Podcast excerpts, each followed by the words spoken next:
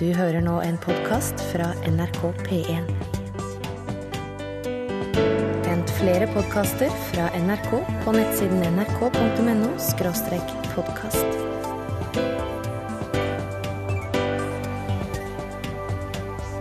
NRK P1.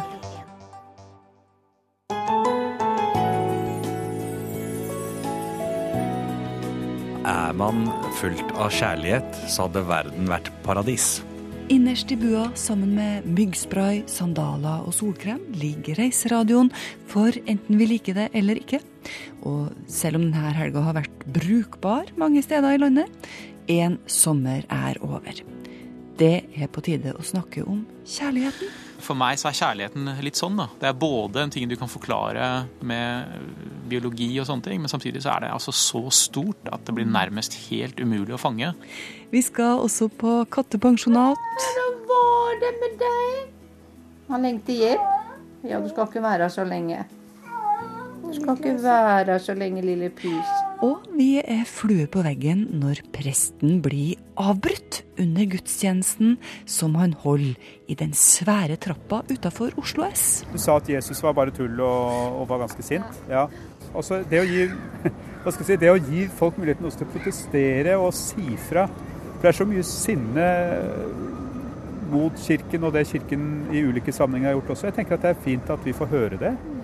Mellom himmel og jord med Margrete Nåvik. For ei uke siden fikk vi beskjed Rolf Wesenlund døde sist søndag.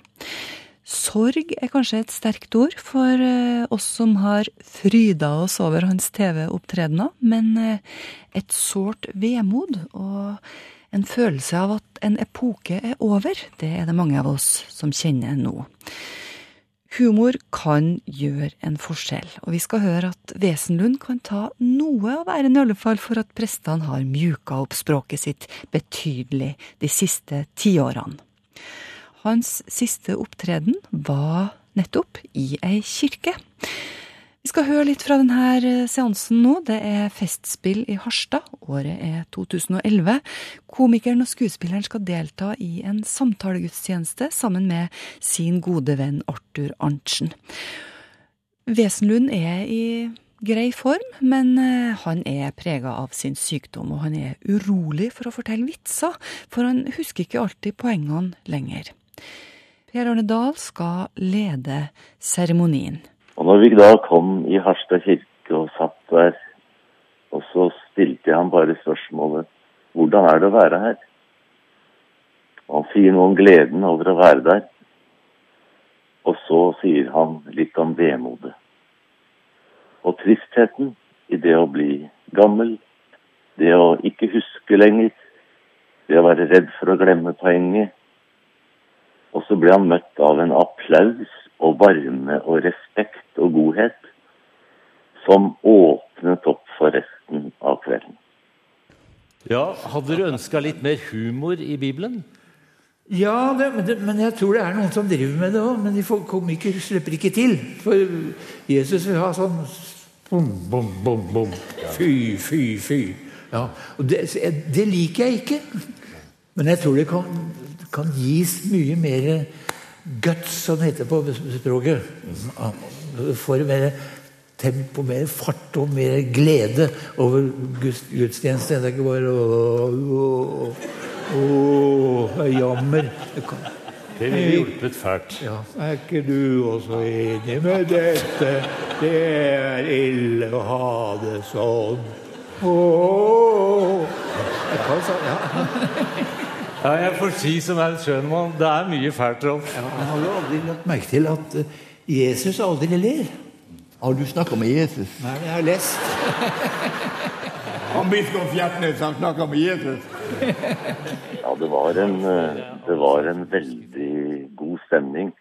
Og det begynte jo med at han viste fram sine røde strømper. For det er jo bare Talen og Rolf Etnum som bruker røde sokker konsekvent. Og jeg husker husker at han fortalte at han hadde 50 par røde sokker. Og så kom han med den forunderlige replikken Han ville så nødig at parene skulle skilles, som han sa. Men Så det var, det var en stemning i den mannen, og det ble det også i den kvelden. Men hvem er, det han, eh, hvem er det han kritiserer her? For det er litt kritikk. Han sier at Jesus er så alvorlig, og hva er, hva er det han vil si? Rolf Wesenlund var på jakt etter gleden hele livet. Han var veldig opptatt av at posten må fram, at budskapet må fram.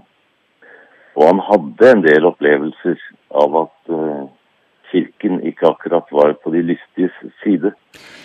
Ja, Rolf Wesenlund hadde meninger om kirka, og dem av oss som har levd ei stund, husker godt feriebiskop Fjertnes. Ja, vi mennesker. Livet er som en buss. Er det som en buss? Ja. Og vi må vite hvor vi skal. Hvis ikke så kommer vi galt av sted. Livet er som en buss. Det var godt sagt. Det var ikke dumt. Ja, mange sånne bilder. Det er veldig vanskelig mange ganger å få alle disse bildene til å gå opp. Ja, er. Her om dagen sa min kone kunne du ikke holde en preken over dette med vannski, sier hun. Og det syns jeg var bra. Og så prøvde jeg, sa jeg skal gjøre det, sa jeg, for det er jo med oss mennesker som det er med vannski. Det går fremover hvis vi har noen til å drive oss. Og, men så gikk jeg på vei til kirke og tenkte jeg kan ikke holde om vannski. Det er så vanskelig å få det til å gå opp. Glir liksom ikke unna. Så da jeg holdt prekenen, så kom jeg til å holde den om kjærlighetslivet, om forholdet mellom mann og kvinne, som skal være rent. Og så var det en dame i menigheten der som møtte min kone etterpå. Og så sier hun, 'Jeg hørte deres manns preken om søndag.'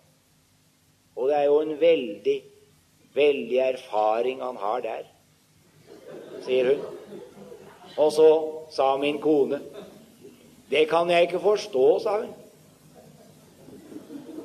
Så vidt jeg vet, har han bare forsøkt det to ganger, og begge ganger falt han av.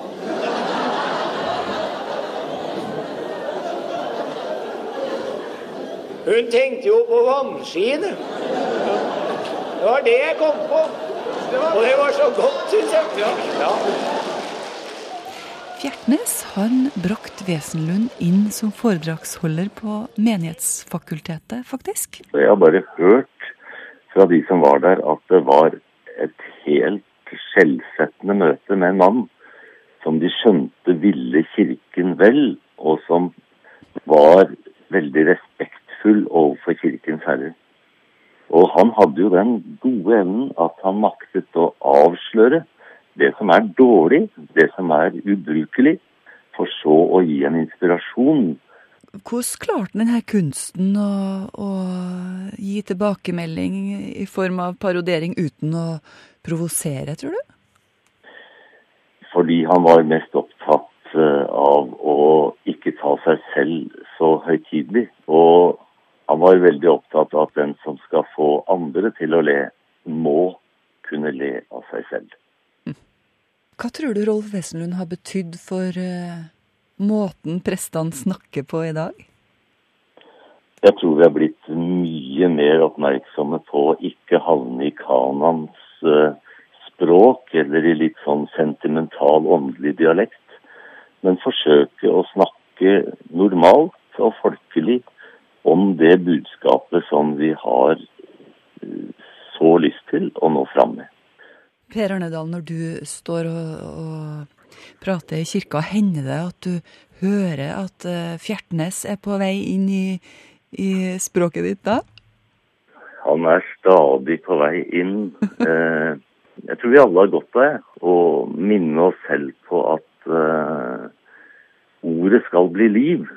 Det skal ikke bli gammelmodig dialekt. Mellom himmel og jord. Søndager klokka ti. Mens vi drøfter livets store spørsmål her i Mellom himmel og jord, i lunsjen f.eks., så støter vi ofte på ord som vi ikke er helt enige om hva betyr. Sannhet, kjærlighet, frelse, tro, Gud. For eksempel? Betyr de her ordene det samme for deg som for meg? Vi har tromma sammen til ordkløyveri, og i dag er det kjærlighet. Vi skal snakke om våre tre ordkløyvere. Spesielt er én av dem opptatt av det her akkurat nå. Ikke minst fordi jeg skal ut etter jobben og feire ti år med min bedre halvdel. Åh. Så er kjærlighet noe som er veldig sentralt for meg i dag. Da.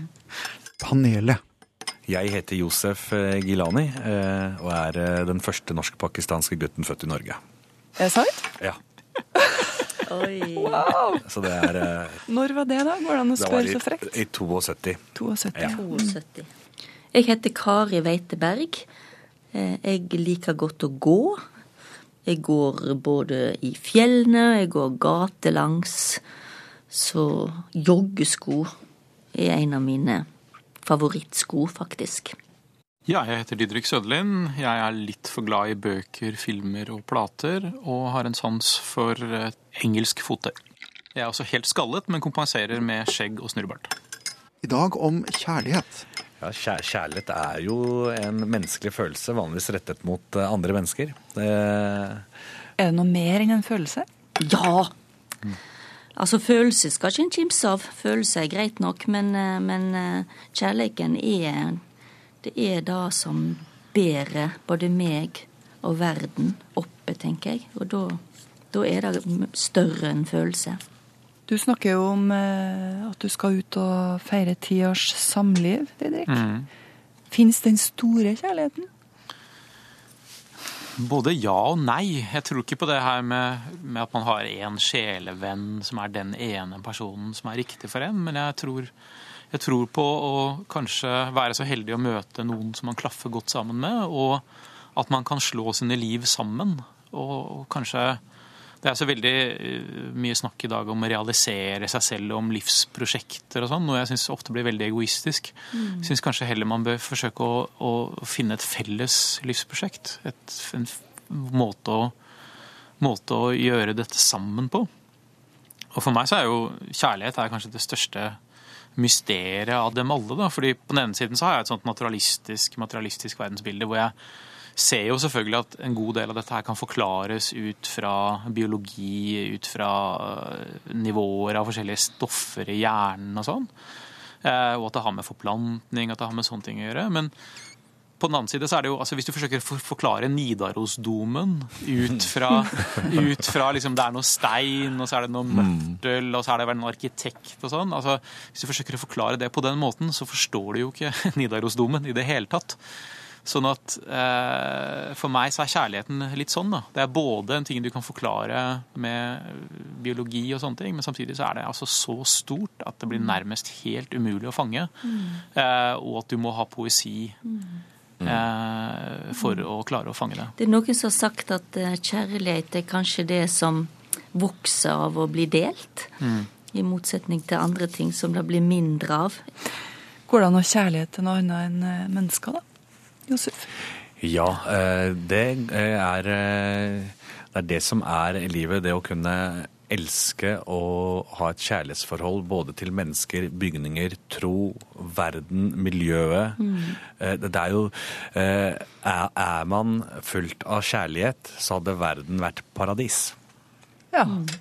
Ganske enkelt. Ganske enkelt. Hva er det som stopper oss da, fra å fylle verden med kjærlighet?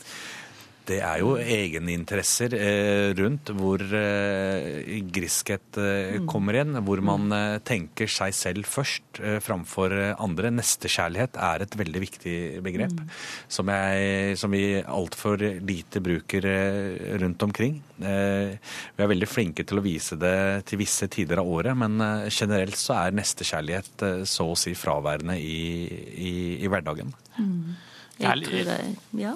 Jeg har nok ikke så stor tro på kjærligheten som en sånn universal forløsende faktor, fordi når jeg ser en del av de tingene som virkelig har gått galt i verden, særlig i moderne tid, altså disse diktatursystemene, altså kommunismen, fascismen osv., så, videre, så er det nettopp ofte bygd på en kjærlighet til noe, et ønske om å skape en bedre verden og sånn. Jeg tipper nok f.eks. at de som la grunnføringene for hvordan dagens Iran ser ut, ikke nødvendigvis mente det vondt, men mente det i beste hensikt. eh, og sånn, og så blir det, så blir det gærent allikevel. Jeg tror, jeg tror på kjærlighet som en viktig side ved mennesket, men det må også balanseres med en forståelse for at andre kanskje ikke nødvendigvis ønsker det samme, og, og at vi er forskjellige og sånn. Ja, men det, er derfor, det er nettopp derfor jeg syns nestekjærlighet er et veldig viktig, viktig dimensjon. Nestekjærlighet handler om å femne om det som er annerledes. Nestekjærlighet handler om å tåle det som er annerledes. Og, og at det med mangfold ikke er en trussel. Og det, det er helt nødvendig i vår tid. At uh, den uh, kjærligheten som vi kanskje lever ut i kjernefamilien, er jo ofte å dyrke dette at vi er, vi er like. Men når, med en gang vi får inn at det å romme det som ikke er likt, at det òg handler om kjærlighet, da tror jeg vi er på rett vei. Du hører på Mellom himmel og jord i NRK P1. Viklund? Ja. Du har vært på kattepensjonat? Ja da, i Alversund utenfor Bergen. Mm. Med egen luftegård, trimrom og radiounderholdning til de firbente gjestene. Ja. Mm. I 17 år har nemlig Kari Medås holdt på med dette her. Og i ti av de årene så hadde hun også et dyrekrematorium. Og ivaretok de sørgende etter at de hadde mistet et eh, kjæledyr. Du verden. Men eh, aller mest kjent ble vel Kari Medås etter å ha sunget visa sammen med ektemannen Ivar, som døde i 2005. Du husker kanskje den her? Vær du glad i den nasen du har. Det gjør ingenting om den er både krokete og rar. Om man Ja, men Unnskyld meg, Margrethe, men den der plata den tror jeg vi slår av med det samme. Ja vel? Ja, det, er ikke noen, det er ikke noe gærent med låta, altså. Den var jo så populær at den ble rene landeplagen i sin tid. Men da jeg spurte Kari Medås om å velge noe fra repertoaret, så svarte hun. Men, men helst ikke være glad i den nasen du har, for den er så lei av å høre. Åh, den har vi hatt med oss i 40 år. Huff a meg. Hender det at du tar en trudelutt for, for kattene dine? Ja, og da kan jeg ikke skjønne hvorfor alle legger med øra og stikker unna. Jeg skjønner ikke hvorfor det. Nei. så det er ikke sånn at de kommer løpende og vil høre? Nei. De vil ikke høre mer enn de stikker av. Du tror ikke de er spesielt musikalske, da? Nei. nei. Mine hjemme liker ikke når jeg tar en trall. Da forsvinner de. Men snakker du med dyrene dine? Snakker du med kattene? Ja. ja da. Masse. Men, men føler du at de forstår hva du vil? Nei, jeg tror ikke det.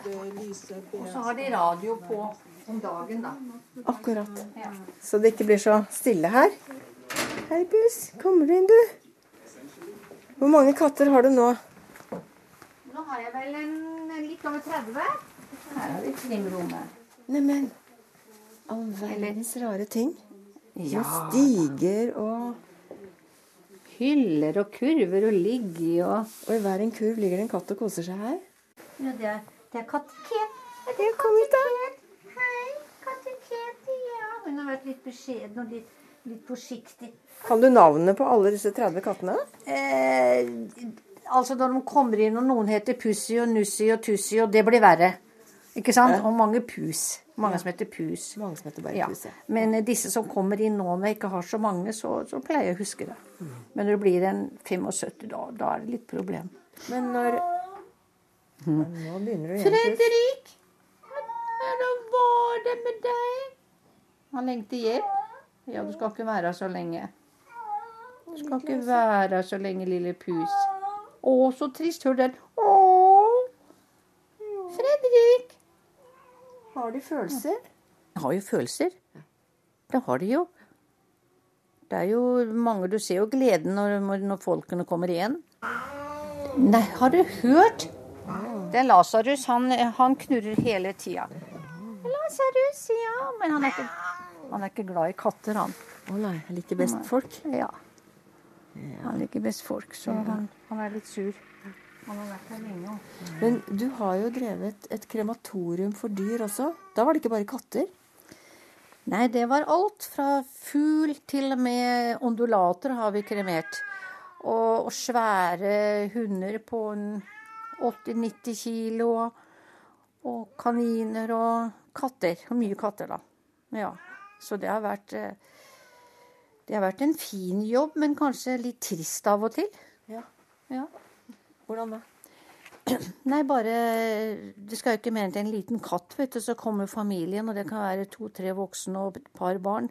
Så kommer de med denne katten bærende og gråter alle sammen. Og så skal jeg stå der og liksom trøste de litt, da. Sant? Og så leverer går de inn på krematoriet og setter fra seg den esken. Så sier jeg at nå kan dere få lov å være litt for dere selv. Så går jeg utenfor litt. Og det må jeg gjøre, for jeg går utenfor og griner, vet du. Og du gjør det? Ja da. Det er, nesten, det er stor klump i halsen jeg går ut, og så renner tårene vet når jeg kommer ut. For jeg er så glad jeg kan stikke av litt. Men du vet, det er jo det samme enten, enten det er et dyr som er ungt, eller om det er et gammelt dyr, så er det like, like trist for dem. Sant? Ja, For de pårørende, på en måte? Ja. Veldig eh, lite hyggelig. Og så skal de da komme senere, mange, da, og hente aska. Og da har vi jo litt seremoni da igjen, så Ja, Hva slags seremoni kan man gjøre? Nei, det er jo det at de, de vil helst ikke hente aska. De venter litt, da. Og så får de aska, og så Å, det er ikke mer igjen enn det. Åh, så har vi litt sånn så, så, så trøster jeg de da, da, for da er det jo i aske, så da ser det ikke så godt. Så sier jeg at ja, men den har jo hatt et langt og godt liv, hvis det er en hund. Og da er det sånn Det hjelper jo ikke det heller, vet du. For eh, når det kommer gråtende en hel familie, så skal det noe til å, å, å, å ikke kjenne det selv, sant? Og det er, det er jo helt forferdelig for dem. Men eh, sånn, jeg sier det, sånn er livet. Både vi på to og fire. Vi må jo, det skjer ulykker med, med alle, sant? Påkjørsler og sykdom og ja. Kommer de pårørende da, eller de som eide dyret, med blomster? Gjør de sånne ting? Ja, veldig ofte. Og det følger med dyret inn i ommen, da. Ja. Og jeg glemmer ikke en gang de kom med en liten kattepus som hadde blitt klemt i hjel i døra. Ja, og Den kom i en, en skoeske. Og rundt hele den pusungen hadde bare ansiktet opp, så var det avklippa roser. I lyserød og hvitt og sånne dusefarger. Det var så vakkert. Det var så nydelig. Jeg glemmer det aldri. Jeg skulle tatt et bilde av det, altså. Men den eh, Eller så kommer de ofte med roser og, som vi legger på dyr, og, og putta det inn i ovnen med rosa på. Ja. Så det syns mange var veldig fint. Vi kremerte jo en katt her på 29,5 år. 29,5 år. Og det vet jeg, for det er venner av oss, så jeg vet at det er riktig. Hvor gammel blir vanligvis en katt, da? 14-15 år. Og, den, og den fikk altså Den fikk to kattunger når han var 20 år, og så fikk han én katt når han var 24 år. Nei. For de slutta med p-pilla. Den katta må ha hatt det godt. Ja. Den må absolutt hatt et utrolig sterkt liv, altså. 29,5 år. Sønnen var jo flytta ut for lenge siden, katta gikk igjen. Det var helt utrolig. Nå er det mye knurring her. Liker ikke at vi sitter her. Det er den er der. Hysj! Nei. Men hva var det som gjorde at du kom på å lage et krematorium? ja. Jeg hørte om det i radioen, rett og slett. At det var så greit, og de kunne drive med det i, fjøs og nesten overalt. Og jeg tenkte jo ikke det at du skulle hente en hund i en fryseboks på 80 kilo. Og det var sånn det det gikk ut på, altså? Ofte? Ja, du måtte jo hente på klinikkene. Og jeg er jo ikke noe sterk, så jeg måtte jo alltid ha med meg noen. Og, og så var det gjerne den øverste fryse ned i den under. Så det var jo som å løfte opp et helt blylodd, vet du, for å få det opp. Og for de lå en eneste klump i en fryser? Ja. Den var pakka inn i, i Alle var pakka inn i sekker. Men allikevel så er det varmt på kaldt, og da fryser det til, vet du. Og det hendte at jeg måtte både ha spett og annet for å få det til. Det var, det var en tung jobb. Det var mye Veldig mye Men det tar jo lang tid. Jeg mener, én hund tar jo liksom to og en halv til tre timer. Før den er kremert? Ja. For aska eh, Beinene må jo være møre. For de skal jo males etterpå. For du kan jo ikke få beinsplinter som stikker opp av eh, Det er mye som foregår som ikke, i hvert fall ikke jeg har hørt om før. Nei, det, men vi, vi, ikke, vi sa ikke hele prosessen. Vi sa iallfall ikke at det gikk en trommel og med, med steiner inn og ble knadd. Det sa vi ikke. For det var litt, litt voldsomt. For da ville de sitte og grine hele tida. Sant? Så sa jeg sa det så pent som mulig at det kremeres, og så, og så blir det bearbeida litt etterpå. Vi sa bare det. Er det sånn man gjør med mennesker òg? Ja. Det er akkurat samme ommene, Ja. men bare større. Da går jo hele kista inn. Ja, Men her er jo ikke noe kiste, da. Men når Nei. Nei. Fredrik. Han skal jeg bære inn etterpå. Han kan ikke være ute. Nei, du kan ikke være ute. Det står at han er så snill og god og er ute og inne hjemme, men hjemme og her er to forskjellige ting. Men du, Så nå har du solgt eh, krematoriet? Ja. Ja. Du sto jo veldig overfor liv og død og den type problemstillinger. Selv om det var et dyr, så var det jo, som du sier, følelser knyttet til det. Hva ga det deg å stå midt oppi det stadiet? Ja, jeg vil jo si at, eh, at jeg syns det var kjekt på en måte da, å hjelpe disse her. Og de takka jo voldsomt for det at vi var til. For at, hva skulle de ellers gjøre da med dyr? De måtte kjøre det helt til Stavanger da, eller, eller i Trondheim. Men pleier ikke folk å bare å grave ned Det er ikke lov mer. Er det ikke lov? Må alle dyr kremeres? Ja. Alle kjæledyr? Ja, altså en, en eh, et sånn lite dyr er jo ikke noe Du kan jo alltid grave ned en katt, men vet du, sånne svære dyr, det har de ikke lov til, egentlig. Så alle dyrlegene her rundt omkring hadde jo nøkkel til krematoriet og låste det inn og la det i frysen. Ja, så, så jeg syns krematoriet var en veldig grei jobb, egentlig. For vi hjalp jo mange. Tror du katter eller dyr har sjel? Jeg tror ikke det. For jeg har hørt at de kommer ikke helt opp. De har en sånn en eh, Nå ringer telefonen, men det kan bare ringe. De har en sånn grønn eng som de kommer til. har jeg hørt. Ja vel? ja. De kommer, det er ikke plass til alle de i himmelen, tror jeg. Nei. Nei, jeg tror ikke de har sjel, altså. Men de er jo koselige å snakke med så lenge de er i live, da.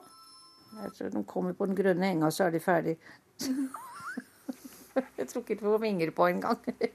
Det sa Kari Medås til reporter Miriam Wiklund. Har du vært på reis i Oslo i løpet av sommeren, så kan det hende at du har fått med deg gategudstjenesten utafor Oslo sentralstasjon. Hver søndagskveld så har eh, det travle Jernbanetorget blitt forvandla til et åpent kirkerom. Mens sola går ned over hovedstaden, så slutter mange seg til gateprest Carl Petter Oppsal og resten av kollegaene hans i Kirkens Bymisjon. Jeg vet ikke helt hvordan jeg skal forklare det, annet enn at jeg syns det er veldig fint at en kan på en måte bringe gudstjenesten ut til der som folk er, altså midt i en travel hverdag. Jeg syns det er kjempefint at folk bare går forbi eller setter seg ned, eller altså at alt bare skjer som vanlig. Og så feirer vi gudstjeneste sammen en liten halvtime, de som vil. Det, det blir litt folkelig. Det er en av disse milde sommerkveldene. Asfalten er tørr, og Kristin og venninna hennes Astrid har funnet seg et trinn i den store steintrappa utenfor Oslo sentralstasjon i lag med 100 andre. Trappa har blitt til et kirkerom, medan torget er gjort om til en alterstad med stearinlys og levende musikk. Mange småspring forbi med koffertene på slep for å rekke et tog eller kanskje en buss. Noen har god tid og stanser opp og ser skuelystne på det som skjer på torget i kveld. Velkommen til eh, gategudstjeneste. Vi er fra Kirkens Bymisjon. Vi arrangerer gategudstjenester her hver søndag klokka åtte. Alle som har lyst til å være med på messa, er velkommen til det. Carl Petter Oppsal er vanligvis prest i Tøyen kirke. Men denne søndagen ønsker han velkommen til gudstjeneste på gata, en stad der han ikke er på heimebane. Noe av det fineste Gud har skapt, syns jeg, er ansikter. Vakre ansikter, glade ansikter, sørgmodige ansikter, skjeggete ansikter, rynkete ansikter, fjerne ansikter, nære og varme ansikter. Det kan være vanskelig å lese ansikter. Bak et stort smil så kan det skjule seg en sorg, Og et tøft tryne kan dekke over et urolig og redd sinn. Likevel så sier ansiktet noe grunnleggende om hvem vi er. Alle vi bærer Guds ansikt i oss.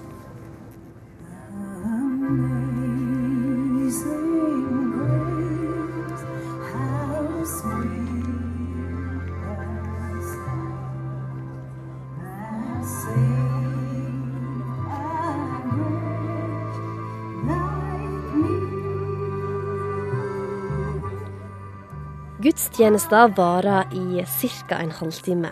Og i løpet av denne tida får vi ta del i levende musikk, opplesing fra Bibelen og preike. Men midt under messa skjer det noe uvanlig. Ei kvinne stanser opp ved torget og tar ordet fra presten. Hun er tydelig misfornøyd med kristendommen, og roper ut sin misnøye om at Jesus bare er noe tull. Presten lar henne få holde på i noen sekunder, så bryter han av. Nå skal vi feire nattvær. Og på bordet så står brød og vin.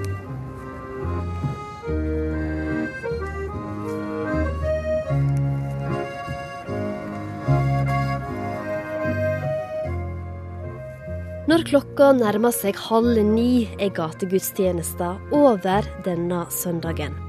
Kristin og Astrid, som jeg møtte tidligere på kvelden, liker det de har både hørt og sett.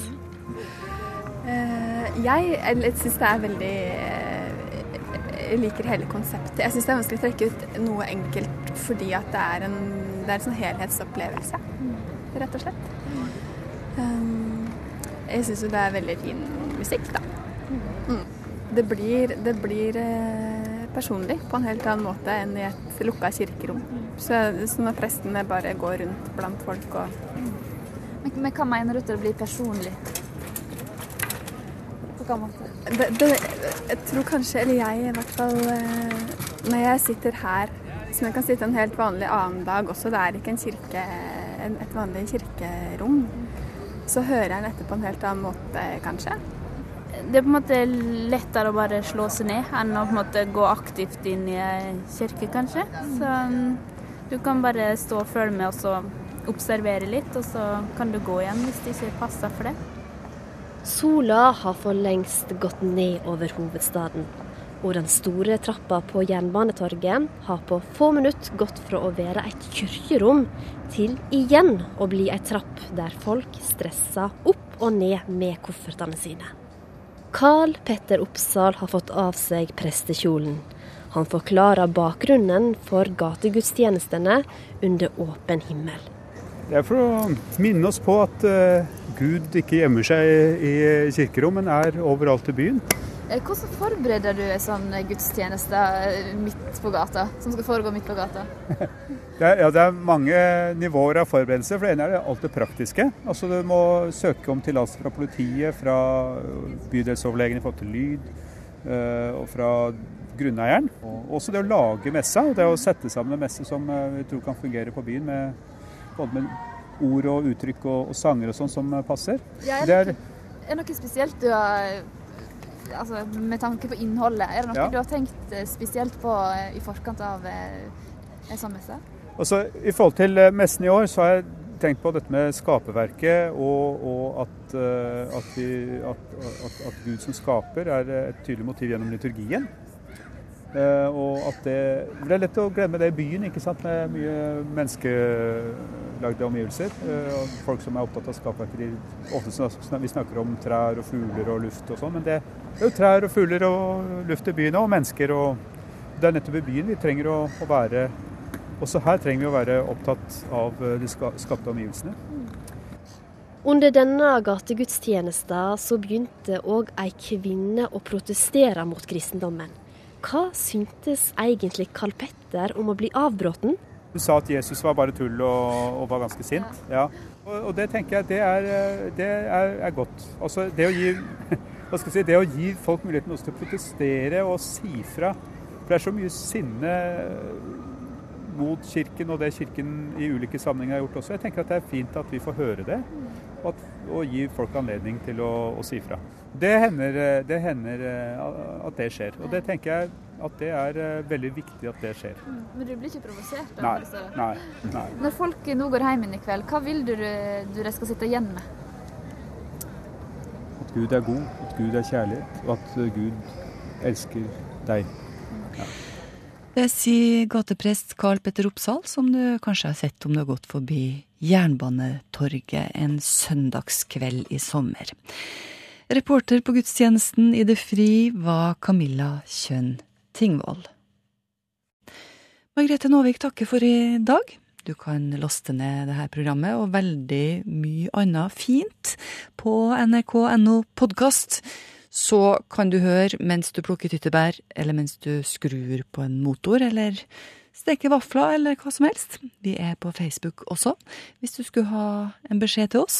Eller du kan sende en e-post til himmel og jord, krøllalfa, nrk.no. Ha en riktig god søndag.